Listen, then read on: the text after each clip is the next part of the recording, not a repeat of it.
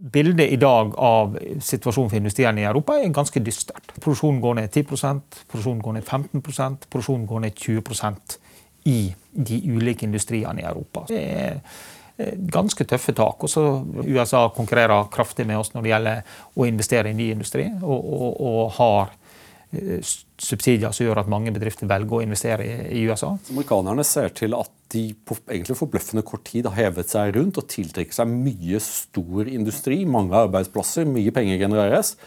Europa er fortsatt på at vi skal skrive en utredning.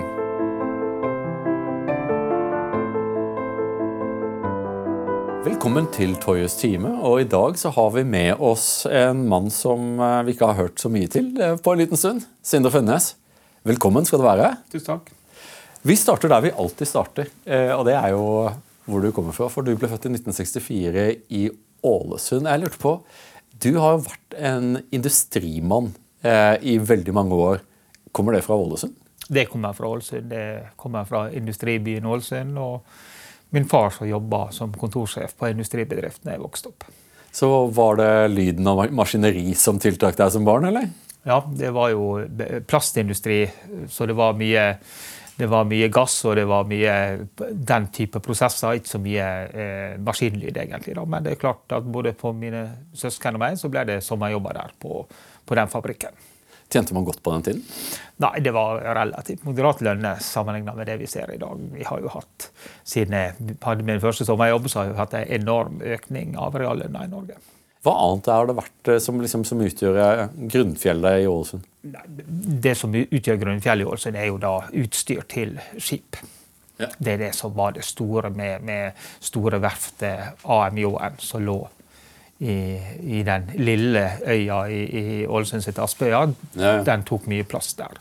Og det er jo det, er jo det som i dag er, er Kongsberg Gruppen sitt Eh, sitt, sitt, firma som de kjøpte fra Rolls-Royce for noen år siden, ja. det har sitt utspring i det verftet. Sammen med det de fikk fra Ulstein verft osv. Ja, for vi har jo hatt andre Andreser som har snakket om, uh, om skipsnæringen som en underkjent del av den norske økonomien. Men Ålesund er en del av den infrastrukturen av den vestnorske shippingindustrien i mange fasetter. Absolutt. ikke sant? Og så kan du si at Skipsbygging fra vi, vi, bygde supertankere på Stord til i dag, det, har vi liksom, det markedet har vi tapt. ikke sant? Eh, Reksten bygde store tankere på norske verft, mm. men i dag så bygger jo Kina, Korea og Japan 90% av verdens skip. Mens vi er vel med på spesialfrakt? er Vi ikke det? Vi er på spesialskip, og, og vi har jo i mange år nå bygd mye utstyr som, som jobber med plattformer og andre eh, installasjoner på sjøen. Det er noe vi er blitt gode til. Er det frekt å spørre, kommer du fra en Høyre-familie? Nei, jeg kommer ikke fra en sånn spesielt Høyre-familie, men jeg kommer ut av ei Høyre-bølge med Erling Norvik, der stort sett alle vokste opp med. Eh, var på høyresida. To-tre av mine klassekamerater var aktive i Ålesund Unge Høyre, og så ble han trukket inn. så du ble korrumpert fra tidlig alder. Men så, så, du studerte i Bergen, var det det? Jeg studerte først i Molde, og så i Bergen. Mm. Det var jo økonomi, da, som lå mitt hjerte nærme. Industri har jo vært liksom mantra i din karriere, har det ikke det? Det har det vært. Det, det, har, det har det vært. Men klart at jeg sitter og jobber da mye med de tallene vi bruker på jobben. I går satt jeg noen timer og jobba med tallene som kom for november når det gjaldt industriproduksjonen i Norge. Mm -hmm. Og Hvordan står det til med industriproduksjonen her i Norge? Nei, Det står ganske bra til. Industrien har klart seg bra. Det har faktisk gjennomsnittlig vært ganske små svingninger. Det svinger jo mellom forskjellige bransjer. Noen bransjer gjør det bra, noen gjør det dårlig. For øyeblikket er jo det de som leverer ferdigvare til forbrukere og de som leverer til byggenæringa. Mm. Der er det tungt både i Norge og Europa. Deler av Europa er jo i økonomisk tilbakegang. Mm. Mens da de som leverer utstyr til til Nordsjøen, de som leverer utstyr til skip, sier eh, at det ser mye mer lovende ut enn det har gjort på lenge. Jeg har inntrykk av at også de som leverer våpen, eh, gjør det ganske, gjør det ganske greit. Jeg var en tur på Raufoss og så på ammunisjonproduksjonen der. Eh, og det er jo sånn at det er så vanskelig med industri. fordi det skal, Skaleringsproblemet ganske enkelt at eh, når man blir veldig etterspurt, og det har alltid vært et problem i norsk, i norsk industri, jeg har inntrykk av, er at å produsere for et segment, og så ekspanderer du etter segmentet veldig raskt, og så er det vanskelig å ekspandere i samme størrelse. Hvorfor er det sånn at det tilsynelatende svenskene alltid har vært bedre på å skalere opp? En, en grunn er jo selvsagt at de stilte utrolig sterkt i 1945. Ja. Eh, eh, og hadde da en industri som var klar til å sette seg inn til å levere utstyr til Marshallhjelpa. Mens eh, kanskje nesten alle andre europeiske land trengte litt tid på å bygge seg opp. Så der fikk eh, svenskene en ganske fin start på den industrien som vi ser i Sverige i dag. Det, det, det, det, må vi si. Der hadde det en fordel. Ja, for at, øh, Hvis vi skal beholde oss på temaet industri, da. etter annen verdenskrig så får man jo en ganske tung industrialisering av Norge. Arbeiderpartiet pusher mye for å utvikle såkalte hjørnesteinsbedrifter innenfor aluminium, skipsbygging. Ja. Eh, og så kommer man inn i en fase på 1970-tallet med brå industridød i Norge. Mm. Eh, industriens, Jeg så på Berge Førre i, eh, i hans eh, standardverk over norsk historie. Så påpeker han at industriens andel av norsk økonomi faller fra noe sånt som 18,4 til, til, til litt over 10% i løpet av bare et par år. Er vi inne i en tilsvarende fase nå? For det, det er mye snakk om industridød i Europa. Mm. Ja, det er klart det har vært eh, tøft for europeisk industri gjennom mange år. Med, med utfordringer fra, på bilindustri, Japan, USA. På andre industrigrener utfordringer fra, fra, Kina, og nå i dag utfordringer fra India. Så det er klart at det, Europa har vært en ganske tøff internasjonal konkurranse om verdensmarkedet på mange, mange felt. Hvis du ser på det som skjedde på 1970-tallet, jeg har jo ikke din ekspertise, men en ting jeg ser fra fra skipsnæringen, så ser du at man får en ganske endret profil i den norske utenriksflåten som et resultat. Man går bort ifra å konkurrere på den type frakt som alle er gode på, og så, det, og så får du en tiltagende spesialisering innenfra de, de, fra de rederiene som faktisk overlever, ofte forsøker å være best på noe. Mm. Er det det som du ser for deg nå, at vi får, vil få en ytterligere spesialisering, eller vil, vil nåla gå i retning at man forsøker å dominere hele markedssegmentet? Nei, Jeg tror jo Europa er eh, spesialisert industriproduksjon i dag. Eh, eh, skip i verden bygges stort sett i Kina, Korea og Japan, mens Europa f.eks. bygger cruiseskip. Ja. Og Norge bygger da serviceskip til til eh, oljeplattformer og vindkraftverk på havet osv. Så, videre, så, så, så eh, vi er ganske spesialisert i Europa. Det, det er noen unntak, men, men mesteparten av industrien i Europa lager spesialprodukt. Nå er det mange som ser utover Europa, og jeg er blant dem. Mitt syn er jo det at denne kombinasjonen av eh, vår egen sanksjonspolitikk i forbindelse med, med invasjonen av Ukraina, et forsert grønt skifte, Eh, kombinert med overregulering har gjort at europeiske økonomier ikke leverer økonomisk vekst. Det har vært forsvinnende lite økonomisk vekst i Europa som helhet eh, de siste 20 årene. Er det noen ting i det, eller er dette her bare eh, konjunkturer som vi er svake i møte med? Nei, jeg tror jo Når det gjelder reguleringer og manglende effektivitet i økonomien, fleksibilitet i bedriftene og sånne ting, så har Europa streva med det i, i mange år. Vi, vi, har en helt annen måte å regulere drift av bedriftene på. Vi kjenner jo diskusjonen i Frankrike med, med eh, svært dyre prosesser i forbindelse med at en bedrift må nedbemanne. Mm. Eh, og så går vi til USA, og så ser vi der er den type prosesser mye enklere både å bygge opp og bygge ned. Og, og eh, der er jo en del sånne eh, utfordringer vi har på det. Og så er jo det mange som nevner at USA har hatt en fordel på den industriell militære forskninga si, som har gitt de ganske, eh, et ganske eh, godt momentum på å utvikle ny teknologi. Vi ser en ganske betydelig migrasjon av europeisk industri fra Europa til USA. Mm. Eh, blant annet eh, en, av, eh, en, av, de aller største norske bedriftene, Norsk Hydro, åpner eh, i Wisconsin, Kentucky, Pennsylvania ekspanderer de sin produksjon av såkalt grønt aluminium, altså resirkulert aluminium. Ja. Det kan de gjøre fordi at energien er eh, de, de har energisikkerhet, og det koster ikke altfor mye å drive. Ja, det, det, er riktig. Samtidig er jo Hydro en av de bedriftene som har investert mest i Norge de siste ti åra.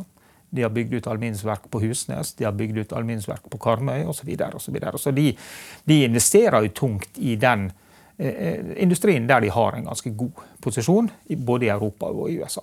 Men vi ser jo også at de er villige til å legge ned aluminiumsverk andre steder i Europa. Frykter du ikke, eller frykter vi ikke, at Norsk Hydro pga. utenlandskabelen og helt latterlig høye strømpriser i Norge finner at det ikke er drivverdig med, med aluminium i Norge? Ja, Det er et av de store spørsmålene som vi i norsk industri og bedriftene jobber mye med.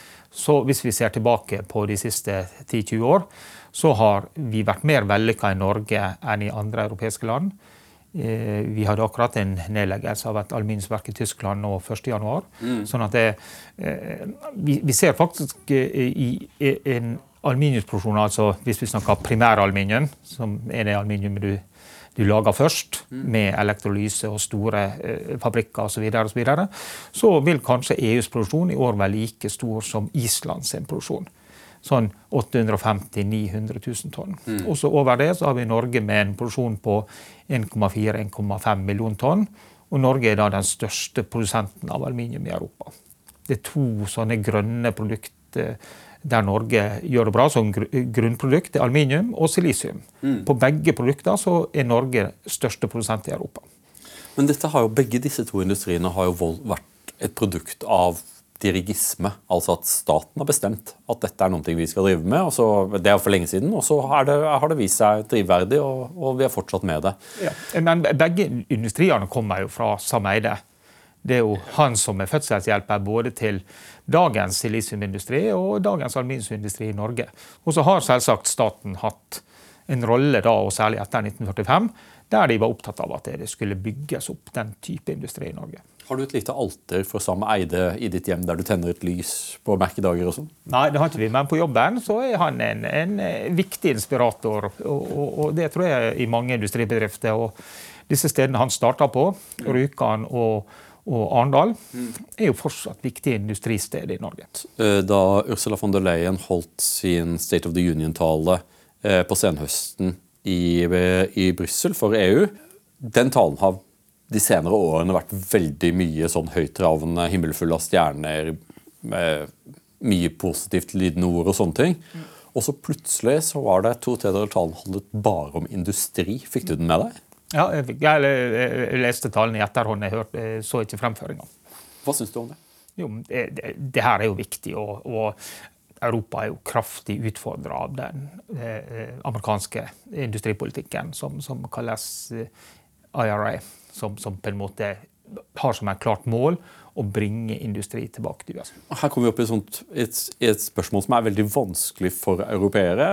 Fordi vi er alliert med USA. Eh, vi er i samme båt som amerikanerne. På den annen side så ser det jo ut som at amerikanerne plyndrer Europa for industri, og også for noe av den mest høyteknologiske industrien vi har. Vi så Basef-fabrikken, eh, den største batterifabrikken, flytter jo nå til, eh, til USA. Eh, veldig mye av den tyske Mittelstand er, i ulike faser av refleksjon, i det minste, om de skal, om de skal flytte ut. tror du at dette kan stoppes?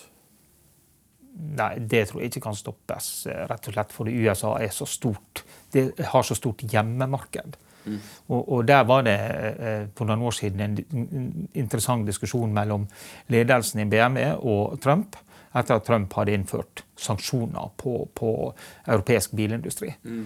Og Da gikk BMW-ledelsen til Trump og sa at husk på, vi har den største bilfabrikken i USA. Den bilfabrikken lager de aller flotteste BMW-ene på verdensmarkedet. Mm. Og den fabrikken eksporterer BMW-er og skaffa USA eksportinntekter og ikke minst vanvittig mange arbeidsplasser. Og, og det, det, lot Trump seg bevege av. Det ga en litt sånn forståelse at det, i en global industri så er eh, BMW, Mercedes, en del norske bedrifter, vi har nevnt Hydro, er svært store aktører i USA på, på industriell produksjon og sysselsetting. En mann som eh, både du og jeg jeg har ganske mye til overs for. Jacques Delors. Mm. Han, eh, han, gikk bort uh, i romjula? Han gikk bort i romjula. Og han er jo en, en, person som vi i vår generasjon kjenner som den som prøvde å gjøre Europa EU mer konkurransedyktig ved en rekke reformer tidlig på 90-tallet. Mm. Bl.a. det som, som, i Norge er kjent som de fire friheter. For de, for de som ikke husker Jacques Delors, så er han den mest toneangivende kommisjonspresidenten som EU har hatt, og det er ingen diskusjon om det. Nei, det er ikke. Så det, det, er, jo, det er mye arv fra han, og, og hvis du er i Sverige, så sier de at det, eh, eh, det som er test av Sverige som industrinasjon, det er om de kan lage ubåter. For det er det mest avanserte industrielle produktet du kan ha. Så, så Sverige ønsker å være i den, være i den eh, eh, internasjonale førstedivisjonen når det gjelder industri, så de vil også lage da, det vanskeligste industrielle produktet ubåter. Norge har jo akkurat inngått kontrakt om å kjøpe fire ubåter, nye ubåter fra Tyskland. Så, vi, lager, så, vi, lager, dem ikke? nei, vi, Norge vi, vi, har Ja, når vi var små, så laga vi ubåter i Norge også, men, men det er et produkt vi har vært avhengig av å kjøpe fra andre land. Jeg syns det er veldig spennende at uh, Kongsberg Gruppen ligger så langt framme når det gjelder ubemannede eh, undersjøiske eh, mm. Hva kaller de dem? Vi, vi kaller dem faktisk droner. Droner. Mm. Fordi det er jo noe vi har sett i den krigen som formørker nyhetene, som, og som gir oss så mye smerte alle. Det er jo også et sånt paradoks at det er i krig at du ser innovasjon i en sånn, i en sånn skala, en sånn hurtighet som du vanligvis ikke ser i eh, fredstid. Og en av de tingene er jo nettopp det undersjøiske droner som ukrainerne har brukt til å, til å, De kaller det å vinne slaget om Svartehavet, iallfall. Ja. Og få presset den russiske marinen ut av sine nærområder. Absolutt. Og, og vi i, i, Norge og resten av Europa vi har brukt disse sjøgående dronene da, til å sjekke våre kraftlinjer under sjøen og våre gassrør under sjøen. Og, og når svenskene fikk den eksplosjonen i, i det russisk-tyske gassrøret, så var jo norske droner svært viktig for å prøve å finne ut hva er det egentlig som har skjedd. Så, så der har vi Aldri til å finne ut hvem som sprengte Nord Stream 2.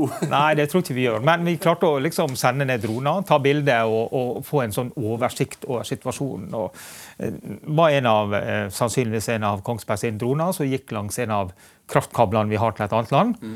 Og de fant da, eh, hadde bilde, artig bilde av en torpedo fra andre verdenskrig som lå over kabelen. Så den hadde blitt flytta dit av sjøen, og de fikk da et herlig bilde av en gammel torpedo som lå over kraftkabelen. Fikk vi flytta den, eller? Jeg antar den ble flytta. Det var ikke noe bilde av, av, det. da, Det var sånn før-bilde. Jeg antar det var et etterbilde også. EU har jo hatt en del forsøk på å, å komme i tet igjen etter Kinas inntreden i verdensøkonomien. Men kan ikke du bare snakke litt om hva, hva er det Kinas inntreden i verdensøkonomien? Det, hvordan har det endret rammevilkårene for norsk industri? Eh, først må, jo, må jo vi eh, nevne at det, eh, slutten av Delors reformperiode var jo på en måte å etablere euroen. Det var liksom hans tanke at en felles europeisk myntenhet ville gjøre europeisk økonomi mye mer effektiv. Ja, det, det, det, var liksom, gjort, men, men, men, men tanken var ja, god. så det, det, var tanken. Og så, så hvert som du kom over på 90-tallet, så, så, ble jo på en måte en del andre reformer satt i, i gang. Kanskje det vi merka mest i Norge, var det europeiske forskningssamarbeidet. Mm. Som eh, ikke var så mye Delors. Det er liksom ingen, ingen av de, de, tingene vi husker fra han, som liksom var en, en, konkurranse med USA og Japan på forskning. Mm. Eh, og, det har jo gitt store konsekvenser eh, for forskninga i Europa. Det har utvikla masse forskjellige produkt, men fortsatt er jo USA og Japan sterkt. Og Kina har, som du sier, også meldt seg på der. Først har de meldt seg på på produksjon i verden av omtrent alt mulig. Det er nesten ikke én sånn basisvare Kina ikke har minst 50% av verdensproduksjonen av. De har det på stål, de har det på aluminium, som er viktig for Norge, som vi har nevnt, og de har det på mange andre ting. På magnesium, som er et viktig metall som, som bidrar i metallegeringen til å, å, utvikle andre typer metall. Mm. Der lager de 90% av det magnesium vi har i verden i fjor. Det er ganske vi, høy markedsandel. Har vi vært naive i Norge og Europa? For en stund så var det jo sånn at eh, det har da ikke noe å si om fabrikken ligger i, på Kongsberg eller i Chengdu. Mm. Eh, og eh, dette her er globalisering, og det, fabrikkene kan ligge hvor som helst. Og mm. hvis det er billigere der, så gjør vi det der. Mm. Har vi vært naive?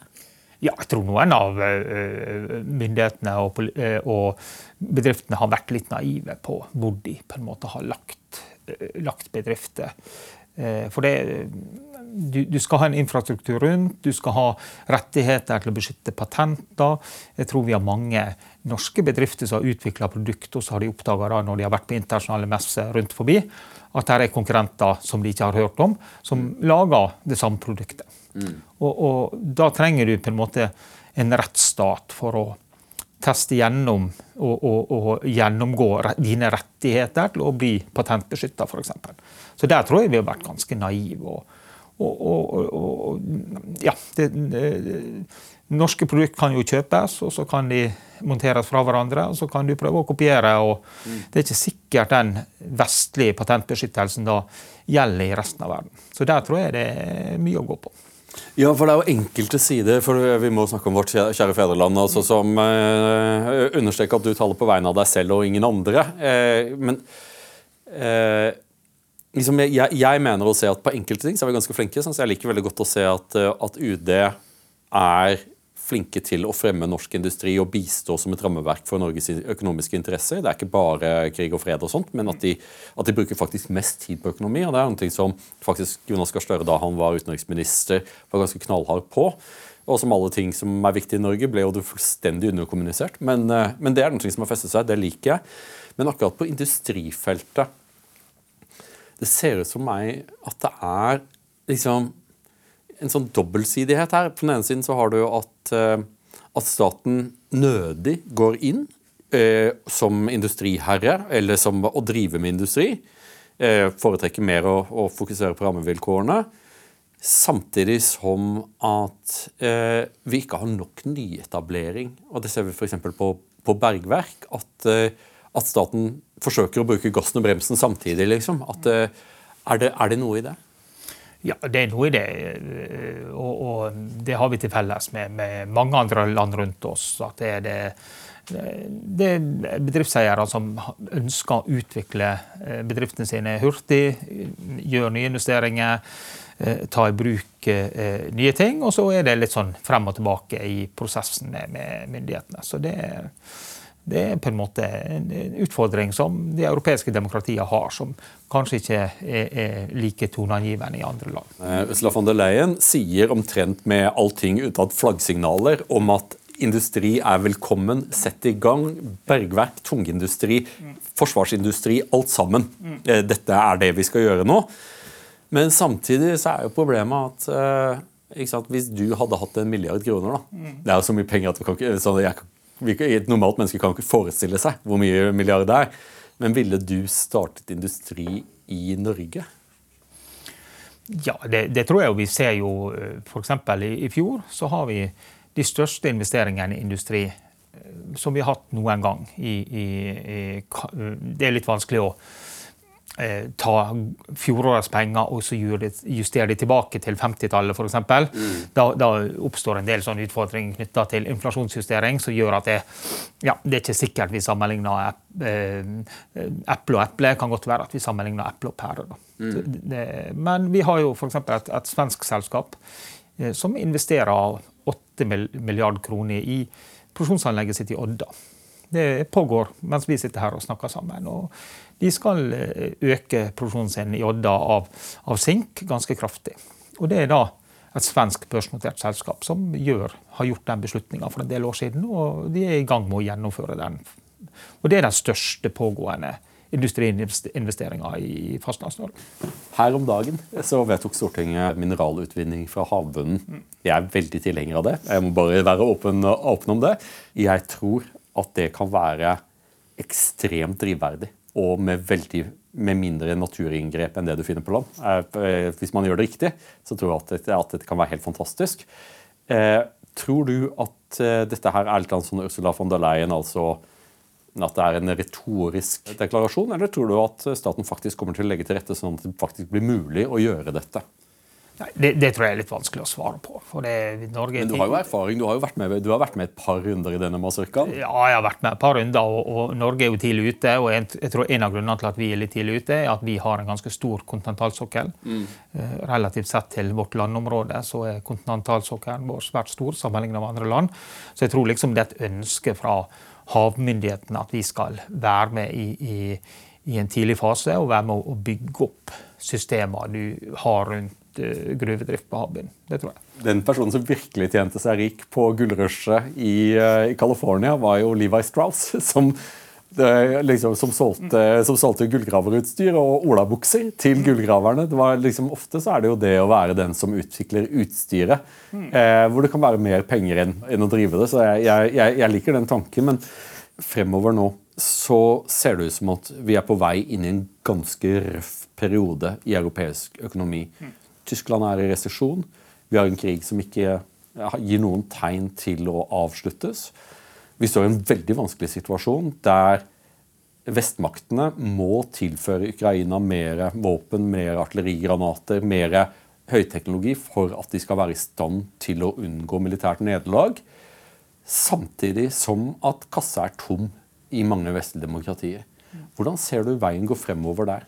Nei, det, først når det gjelder situasjonen i, i Europa, EU, Storbritannia. Det ser ganske mørkt ut kolleger og meg vi er jo av og til rundt på sånne europeiske industrimøter rundt omkring. og En av uh, faste postene der er en sånn gjennomgang av status. Ja. Og I fjor så var det mye ja, eh, Produksjonen går ned 10% produksjonen går ned 15% produksjonen går ned 20% i de ulike industriene i Europa. Så, så det er Eh, ganske tøffe tak. Og så var vi inne på det stedet om at eh, USA konkurrerer kraftig med oss når det gjelder å investere i ny industri, og, og, og har eh, subsidier som gjør at mange bedrifter velger å investere i, i USA. Mm. Så, så, bildet i dag av situasjonen for industrien i Europa er ganske dystert. Det er det. Men Forklar da for meg at eh, det jeg hører fra USA, det jeg hører fra Europa, er omtrent det samme. Eh, vi ønsker å reindustrialisere, vi ønsker å få kritisk, eh, kritisk, industri tilbake. Spesielt knyttet til det grønne spranget eller det grønne skiftet. Mens amerikanerne ser til at de på egentlig forbløffende kort tid har hevet seg rundt og tiltrekker seg mye stor industri, mange arbeidsplasser, mye penger genereres. Europa er fortsatt på at vi skal skrive en utredning som vi venter på. da. Ja. Og, og, der har vi, en, vi, vi har en viktig industri der det uh, utredningsarbeidet skjer for øyeblikket. Og det er at det, Asia har jo vært dominerende på produksjon av mikrochips. Mm. Det har vært liksom USA og Asia som, og, og, ikke minst Taiwan som har gjort mye av det her. Ja, Noe i Nederland, da. Men... Og, og noe i Nederland. Og, der er det mange av selskapene som, som, sier at OK, en god idé kan være å, å lage litt mer av det i Europa. Mm. Men da er du tilbake til den diskusjonen vi var inne på i sted, om at det, i Europa tar ting tid. Eh, Intel har drevet og diskutert med eh, myndigheter i Italia for eksempel, om å investere 100 milliarder kroner i en eh, mikrochipfabrikk. Mm. Og, og, diskusjonene begynte i 22. Og det siste jeg har hørt, så er det ikke bestemt at investeringer skal gjøres i Italia. De driver fortsatt og diskuterer ulike spørsmål knytta til for det her er jo kjempedigre fabrikker som, som eh, tar plass, og så krever da infrastruktur, strøm, vann, andre ting. Og Det tar sin tid i Europa, mens i USA kan det se ut som det går raskere. Ja, fordi det er jo ikke til å komme forbi at uh, det grønne spranget har ført til at energi har blitt gyselig dyrt i Europa. Mm. Og er det noen ting som industri har til felles, så er det gjennomgående at det er kraftkrevende. Ja. Hva skal vi gjøre med det? Ja, Det er et godt spørsmål. For det, vi, vi, hadde nå ei uke eh, i, i, starten av året med enorme svingninger i eh, strømprisene i, i hele Europa. Finland, som var det mest ytterliggående eksempelet, hadde noen timer da en dag eh, der strømprisen var 18 euro per megawattime. Sånn 20 øre per kilowattime. Vi er jo mer vant til øre per kilowattime enn euro per megawattime. Men, mm. men eh, på et annet tidspunkt i akkurat samme uka så var prisen 100 ganger så høy.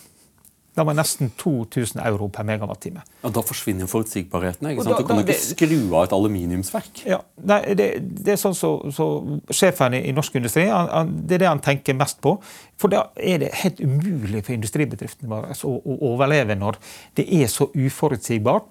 Og, og det er så vanskelig å vite hvorfor ble prisen på strøm så høy akkurat de få timene der. Mm. Hva er det bakenforliggende som gjør at det er sånn? Er det kulde? Er det utfall av kraftproduksjon? Er det mangel på vind? Og Så, videre, og så, videre. så det er ganske komplisert å se for seg industri i Europa med så svingende strømmarked. Men hva sier du til det, det munnhellet at det går ikke an å, en, å drifte en industrinasjon på vind?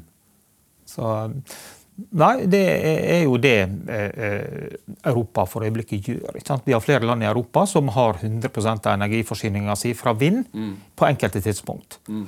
Men vi vet jo at vind ikke blåser så mye. I, i Nordsjøen, mm. der han setter opp vindmøller, så blåser kanskje vinden 4000 timer i året. Mm. Året har 8800 timer. Så da har du 4600 timer der du må ha noe annet. Ja. Og Det er liksom dilemmaet som, som, vi må løse i Europa da, hvis vi skal se for oss at vi skal ha stålverk, aluminiumsverk osv. Opplever du at det er en forståelse av dette i politiske myndigheter i Norge og andre land? Ja, det, det opplever jeg at det er. Altså, folk er interessert, lytter, er opptatt av å prøve å finne forskjellige løsninger. Hvor står du i det store brennbare spørsmålet? Er du en atomkraftmann? Så eh, jeg, jeg tenker at det, eh, kraftmarkedet i Norden hadde ikke fungert uten kjernekraft. Mm. Så vi er helt avhengig, og jeg, jeg, ser ikke for meg at den kjernekrafta vi har i Norden, skal i fall på mange mange, mange år erstattes av noe annet. Og Vi ser våre naboer i Sverige de vil bygge mer kjernekraft, og det tror jeg er bra for det. Eh, nordiske kraftmarkedet. Så eh, Utover det så hadde jeg tenkt å si så mye om, om, den kjernekraftdiskusjonen, men jeg tror det er samstemmighet fra industrien i Norge at eh, den svenske kjernekrafta har vært bra for oss. Og det at Sverige fortsetter å utvikle den, er viktig. Hva syns du om Ola Borten Moes forslag i avisen her om dagen om at Norge istedenfor å snakke om å bygge ut kjernekraft i Norge, som er en industri som Vi har jo Nå har vi vel stengt ned reaktorene på, på Kjeller. Ja. Eh, og i Halden. Og i Halden, ja. Nettopp. Eh, kanskje det vil være klokere at vi investerer i, i, svensk kjernekraft enn å forsøke å bygge den selv. Hva tenker du om det? Nei, Hvis jeg svarer på det spørsmålet, så blir kona sur. Så jeg lar være å svare på det. du overlater til politikerne det som ligger i, det som ligger i, i fremtiden? Nei, det... Ja da. det er Ola Borten Moe en hyggelig fyr, men jeg har ikke tenkt å diskutere politikk med han. Nei, nei, nei. Eh, sjeldne jordarter. Eh, Norge er jo et land som er velsignet fra naturens side med mange ting. En ting som mange nordmenn kanskje ikke er klar over, er at vi har en del av disse sjeldne jordartene som er helt kritiske ja. for å lage eh, det som kreves for, eh, for grønn, grønn, energivinning og, og vindmøller og, og, batterier og sånne ting. Magneter, ikke minst. Magneter, ikke sant. Eh, ser du for deg at, eh, at, Norge kommer til å bli et mer gruveorientert industri, eh, sånn som vi en gang i tiden var? Ja, jeg tror iallfall at Europa må uh, ha gruvevirksomhet for å, å, ta ut litt mer av sine uh, mineraler og materialer enn vi gjør i dag. Mm. I dag importerer vi svært mye til Europa, og, og, vi må gjøre noe med det. Og så er det som du sier, på, I den kaledonske fjellkjeden så er det sannsynligvis en del av de sjeldne jord, eh, jordartene. Mm. Eh, det er gjort funn i Kiruna, vi har gjort store funn i Fensfeltet. Mm. Og vi må sørge for at det, eh, disse forekomstene blir produsert. Jeg snakka med daglig leder for en av de som jobba på Fensfeltet i forrige uke. Og, og, vi prøver å finne fornuftige løsninger som gjør at det Eh, den bedriften kan starte produksjon på de rettighetene de har i Fensfeltet. Og, og disse bedriftene er jo da lenge? våre medlemmer. Så. Ja, selvfølgelig, Men har ikke den prosessen allerede gått? Det er litt sånn som, som dette tidligere, at, liksom, at dette er jo en soge som allerede har gått i en del år? Ja da, det er det. det, er det. Hvorfor tar ting så forbanna lang tid? Nei, Gruvedrift i hele den vestlige verden er svært vanskelig. Det er det. Eh, det er vanskelig i Kina også, ifølge rapporter derfra. at det, det å på en måte eh, ta store landområder og på en måte eh, finne eh, sjeldne jordarter eller kobber eller eh, andre ting, det, det, var mye enklere på 50-tallet enn i, i 2024. Hvordan ser du for deg at den globale økonomien kommer til å utvikle seg? Fordi Vi hadde jo en fase, en lykkelig, en lykkelig sommerfase der vi trodde at globaliseringen ville forløse alle spenninger, og at vi ville marsjere fremover som en samlet menneskehet i retning av et liberalt styresett. Og, og vi, vi, vi, kan alle den sangen, og vi vet at den sangen ikke er en hit akkurat nå. Eh, vi ser at det er en pågående lavintensitets økonomisk krig mellom USA og Kina. Eh, vi ser at sanksjonsregimet mot Russland eh, selv om det er, eh, har begynt å bli relativt vanntett, så, så får det ikke de effektene som det vi hadde håpet i å frata Russland den industrielle kapasiteten til å kunne føre krig i stor skala. Ser du for deg at disse splittelsene eh, og gapene vil vokse seg dypere, eller ser du for deg at dette bare har vært noen veldig, veldig vonde år? Det, det, har jo vært noen vonde år, men først hadde jo vi noen svært gode år der verdens fattigdom ble kraftig redusert. Fordi eh, verdensøkonomien trakk i samme retning. Og, og det enda jo på en måte med finanskrisa. Eh, det gjorde det. Så, så da, da, ble vi kanskje litt for høy og mørk eh, i den økonomiske utviklinga. Så har det vært et langt tilbakeslag. Og det ser vi også i Norge. vært et langt tilbakeslag i, i f.eks. industriinvesteringer mm. eh, siden eh, 2008. Og Det tror jeg er felles for landene i Europa. Så har vi nå svært utfordrende situasjon. Det har vi, som du sier, med spenninger mellom stormaktene. Mm. Og Det er vanskelig å se noen kortsiktig løsning på de problemene vi nå sitter inne i. Altså. Hva skal Norge gjøre dersom eh, det som jeg anser for å være det mest sannsynlige scenarioet, altså at vi vil se en, en bevegelse i retning av en mer økonomisk blokkdeling eh, av, av verdensøkonomien, der enkelte varer eh, transporteres lett over grenser, andre varer blir, blir, vanskeligere å transportere over grenser. Hvordan skal Norge eh, Vår ære og vår makt har de hvite seil og sprakt. Vi er en åpen frihandelsøkonomi. Eh, vi produserer ting som vi selger i global skala. Ofte så er det litt dyre ting vi selger også. Eh, hvordan skal Norge kunne fortsette å holde seg holde velstanden ved like i en situasjon vil vi også måtte lene oss mer mot USA, rette økonomien vår mer mot USA og mot andre allierte land, eller er det slik at vi kan, at vi kan ta, som vi så under sanksjonsregimet eh, i forbindelse med fredsprisen til Lushabot, at, eh, at, vi forsøkte bare å komme oss rundt det og holde handelen gående? Norske bedrifter som, som selger eksportvarer, selger aldri, eh, har alltid solgt mye til Europa. Så vi, vi er litt sånn vi er litt sånn mer europeisk orientert sett fra våre bedrifter enn f.eks. Sverige. Eh, jeg husker for noen år siden når det kokte i Egypt. Mm. Da var det eh, alarm i Sverige. Eh, trelastindustrien hadde Egypt som et stort eh, eh eksportmarked. Og, mm. og, de ropte at her er det trøbbel. Vi mista et milliardmarked på eksport av trelast. Og, og vi også har jo en trelastindustri i Norge, så jeg skyndte meg inn i i, i eh, databasen til Statistisk sentralbyrå og fant ut vi har jo ikke eksport til Egypt. Mm. Vår, eksport, vår, produksjon av den type varer går enten til norsk konsum, eller så går det til eh, land i EU og Storbritannia. Så, så, så, sånn sett er vi direkte mindre knytta til verdensøkonomien enn f.eks. industrien i Tyskland eller industrien i Sverige. Det er jo ikke noen stor glede, for da er vi jo lenka til et lik. Det er jo sånn som den Han altså nikker Nei, for det, er sånn som vi har, vi har en region der vi har hatt en lang periode med nullvekst, og nå synes det at eh, mye av Europa er på vei inn i resesjon. Eh, og også håpefullhet er jo ikke noen, er jo ikke noen løsning i seg. Hvis man ser kaldt og kynisk på det, så ser det ut som at det kommer til å bli ganske tøft i en del år fremover for Europa. Eh, vil, det, vil, ikke det da rive med seg den norske økonomien, siden vi er så eksponert mot nettopp vår egen region? Ja, det er den følelsen vi har hatt i fjor, f.eks. Mm. Der alle melder om at nei, europeisk marked de, de går tungt. Det, det, er vanskelig å, å selge varene. og, og eh, Det som redda oss litt, var at krona gradvis svekka seg. Så Den svake krona var på en måte redninga mot eh, Europa i, i nedgang. da. Ja, jeg har vært ute og reist med den norske PC-tassen. Det, ja. det, var en glede å være i Storbritannia og betale over 100 kroner for en, for en halvliter øl. Ja. Ja, og Det er da den fordelen bedriftene har hatt, i et, et ganske dårlig europeisk marked. Mm. Så eh, jeg tror industrien i Norge er avhengig av at Europa kommer ut av den økonomiske tilbakegangen i løpet av 2024, eh, hvis vi skal se litt lysere på, på åra fremover. Da. Og så er verdensøkonomien vi er jo avhengig av den, selv om vi, vi kanskje ikke leverer så mye varer til USA eh, eller til Japan eller til India, mm. så er vi avhengig av at det, verdensøkonomien holder eh, et bra nivå. Og så det siste er jo diskusjonen vår om det grønne skiftet, eller hva vi skal kalle det.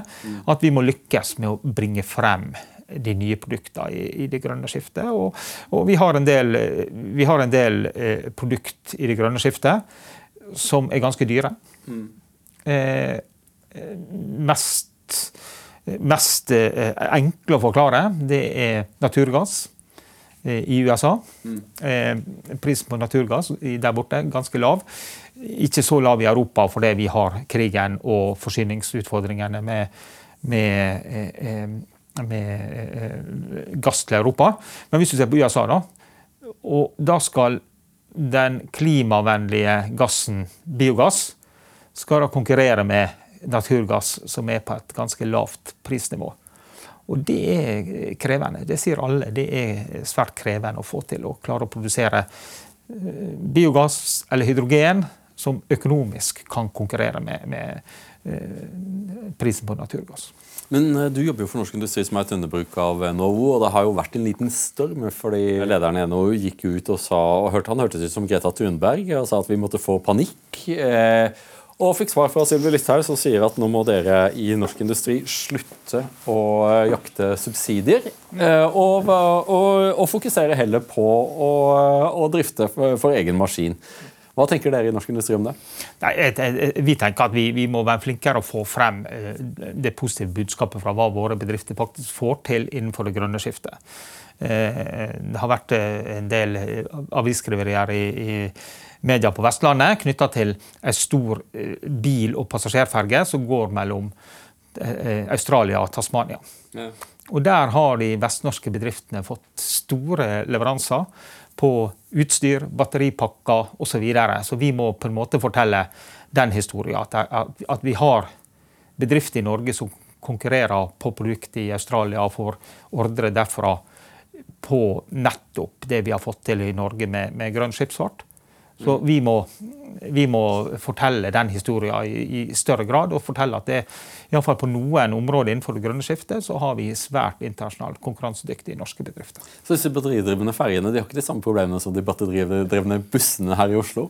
Og eh, batteri og kulde, det vet vi er et stort problem. Og vi husker jo disse første Tesla-bilene. Når det ble minus ti, mm. så kom ikke du deg så langt av gårde. Eh, eh med en sånn bil, og det, ja, det er en stor utfordring. Eh, skipsbatteri har eh, en annen type utfordring. det er at de, de blir ofte litt varme. Mm -hmm. Og En av grunnene til at vi har, har, fått til det, og vi har mange bedrifter som leverer sånne eh, produkt, er at de kjøler ned batterier med vann, mm. og så energigjenvinner de energien i det varme vannet og får ekstra energi ut av, av en sånn batteripakke. Det var en sånn skikkelig Petter Smart-greie? Ja, ordentlig Petter Smart. Har, det har vi. Vi har utrolig flinke ingeniører i Norge som lager mye spennende. Det, det, gjør de. Men jeg kan jo også si at vi hadde faktisk Det var eh, bilferge som sto på et verft, som hadde da en tilsvarende eh, eh, Eller som rett og slett fikk brann i batteriet. Og, og, det var en sak for mange år siden. Så det også må vi løse. Så det er både kulde og, og varme på batterier som kan være en utfordring.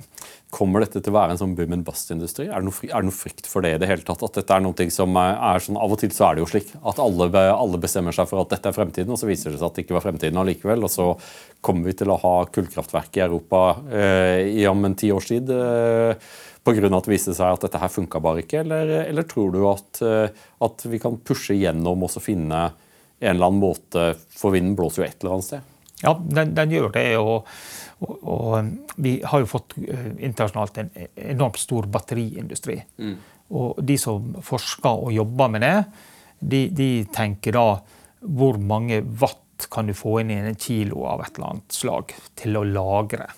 Og der sier de at det er store muligheter til å, å um, utvikle eh, eh, stoff som gjør at du får mye mer watt inn per kilo. Men det er jo ingen som vil ha gruvene hvor man graver ut mineralene som man trenger for å lage disse batteriene. Nei.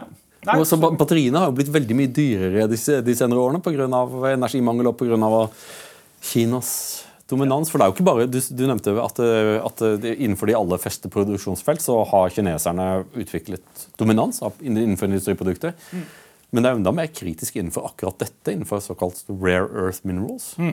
Så de, de, de barne, rare earth-varene de er blitt mye dyrere. Mm. Men så er det sånn når du industrialiserer ting, f.eks. når du industrialiserer batteripakker til, til personbiler, mm. så blir jo enhetsprisen mye lavere. Eh, de første Teslaene som kom, da veide jo batteriet en 1200 kilo, 1,2 tonn. Mm. Og bilene ble jo utrolig eh, tung. I dag veier et stort bilbatteri som tar en bil 500 km, eh, eh, sånn som Teslaen gjorde, det veier da bare 500 kg. Så du bruker mye mindre stoff til å lagre like mye energi, og batteriet blir da mye lettere. Så, så, så, så du er sånn teknologioptimist? du? Jeg er skikkelig teknologioptimist. Ja, ja. Nei, men, eh, men det, er, det, er, det, er, positivt å høre det, for det er jo det er mange Cassandra der ute nå som lurer på om eh, vi har begått en grassal feil ved eh, slik jeg ser det, så, så, virker det for meg som at EU har forsøkt å, å få en slags liksom, parallell til det du sier med gruvedrift på havbunnen. At de har forsøkt å komme seg på det først, i håp om å utvikle løsninger som kan være salgbare i fremtiden.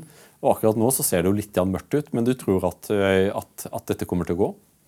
Ja, i, hvert fall på produktsida. At det er flinke bedrifter utvikler produkt som kanskje til og med gjør det slik at vi kan fly rundt i Nord-Norge med, med eh, et fly med batteri, og så kanskje en liten brenselcelle ved siden av i forbindelse med at det skal ta av. Men vi vet jo det, det, det skal jo mye til for å få tante Olga til å gå inn i et, et, eh, et, Widerøe-fly og få beskjed om at det flyet her skal flys på batteri. Så det, det er mye, mye, testing før vi kommer dit. Husker du han fyr, Det var en fyr fra norsk luftfart som skulle liksom ut og fly et batteridrevet fly, så falt jo flyet ned! Ja, det var ikke bare en fyr fra eh, eh norsk luftfart, det var jo sjefen for Avinor. Ja, Daværende sjef for Avinor. Det var ikke akkurat den store reklamen. Han, han kom jo fra det med livet, takk og lov, eh, men da tenkte jeg ja, eh, jeg venter nå, jeg venter nå litt før jeg tar Det er ikke bare tante Olga, det er Asle Toje også.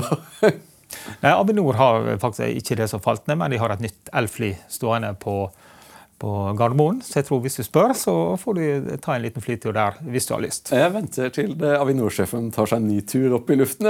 Det sitter vel kanskje litt langt inne for han? Nei, jeg tror han har vært på tur med det flyet de har i dag. Det tror jeg. Det er, nå, det er nåværende. Der, der, vandrer en tapper mann, sier jeg. Mm. Så, vi, vi, det, det, er jo en spennende utvikling akkurat på det i Norge. Vi, vi skal bygge to nye flyplasser i Nord-Norge. Mm. Og da er det mye diskusjon eh, først og fremst i Bodø. Kan det da bli eh, det stedet i verden der du gjør alle disse testene på fly som, som eh, vi har behov for å gjøre for at det, vi skal kunne ha utslippsfly fly?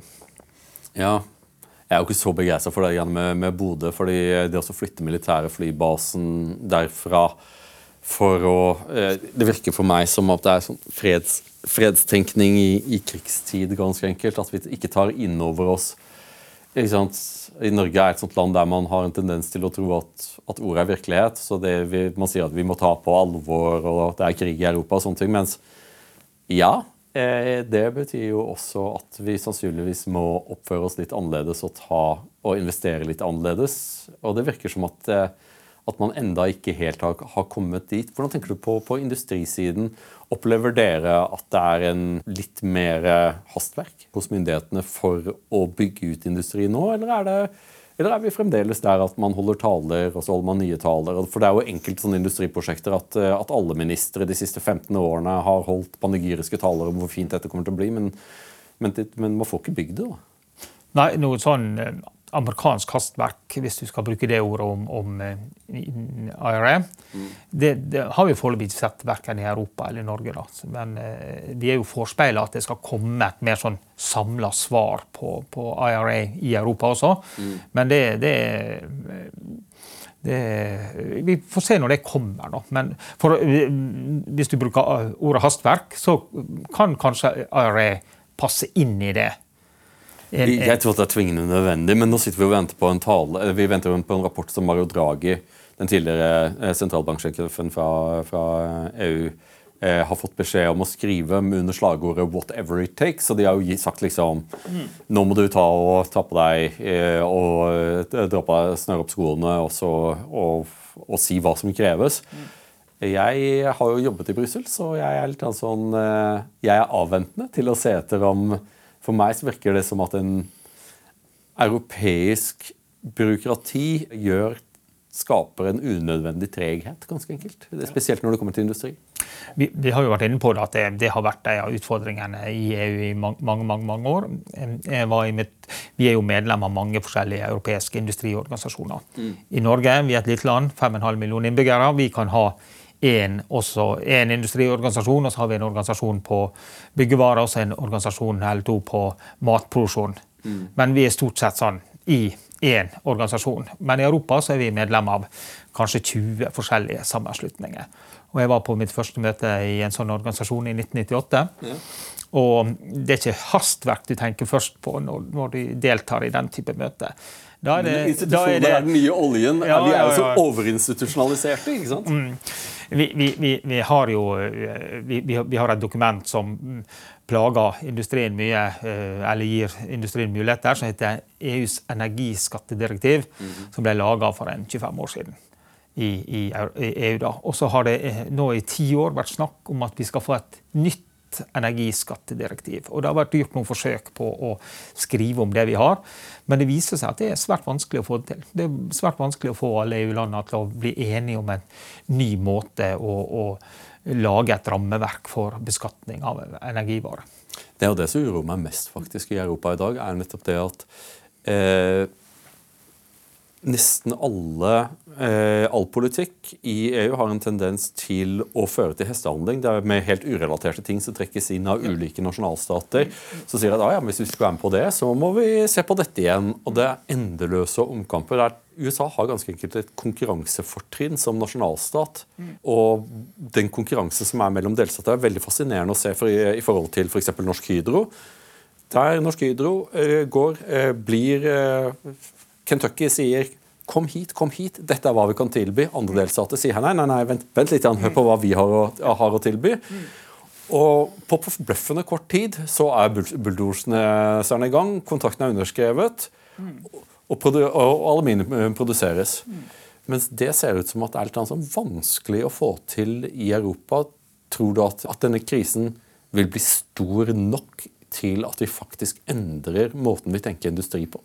Ja, det, det, er et spennende utgangspunkt for, for 2024, eh, tenker jeg. For det, det, er jo, det, er jo, det største valgåret i verden og i EU vi har hatt på, på mange mange år. Så det blir, utrolig spennende. Nå for, i, i 2024 får velgerne rundt om i verden virkelig en mulighet til å, å, å si det de mener om, om uh, tingenes tilstand. Ikke i Russland, der skal det også være valg. Ja, men uh, der, jeg, tror, jeg, tror, at jeg kan vedde på hvem som kommer til å vinne det valget, men uh... Ja, det, det, tror jeg. Jeg har en, en sønn som var kanskje 14 år for noen år siden. Det var valg i Russland, og han plukka opp at de hadde et eh, noen deler av Russland så hadde de eh, en sånn valgsystem som het karusell.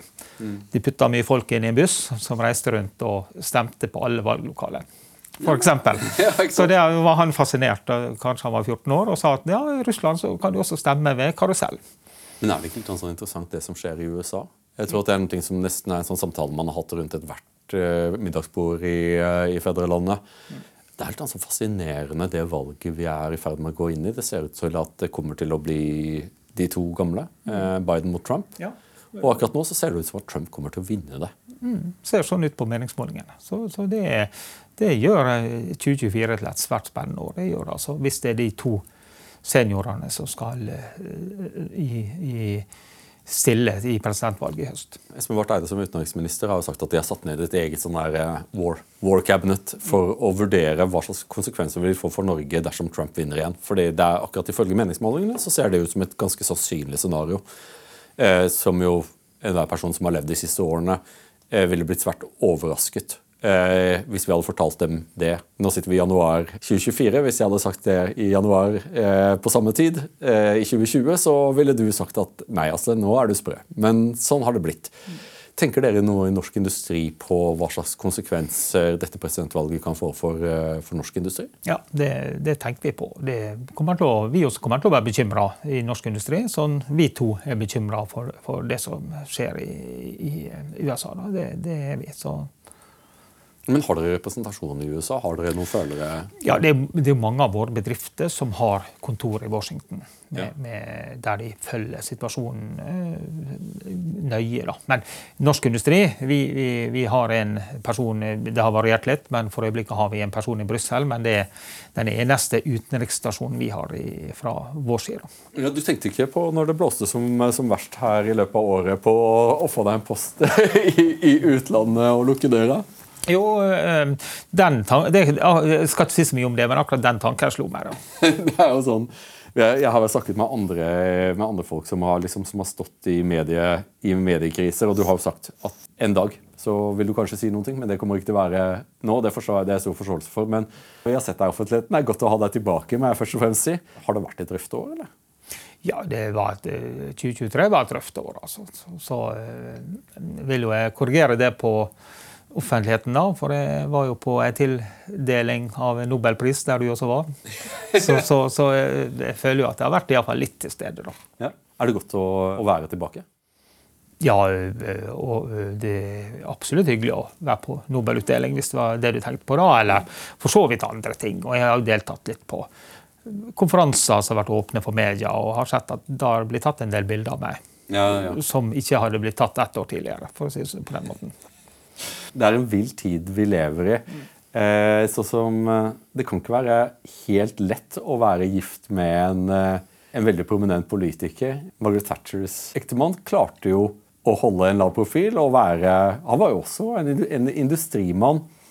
Er det noe som har endret seg i, i samfunnet når det gjelder ektefelle? For var, vi så også, Jeg hadde en veldig interessant, veldig hyggelig samtale som jeg håper at folk vil lytte til med Anniken Huitfeldt. Hennes ektemann og, eh, og investeringer grep direkte inn i hennes politiske liv.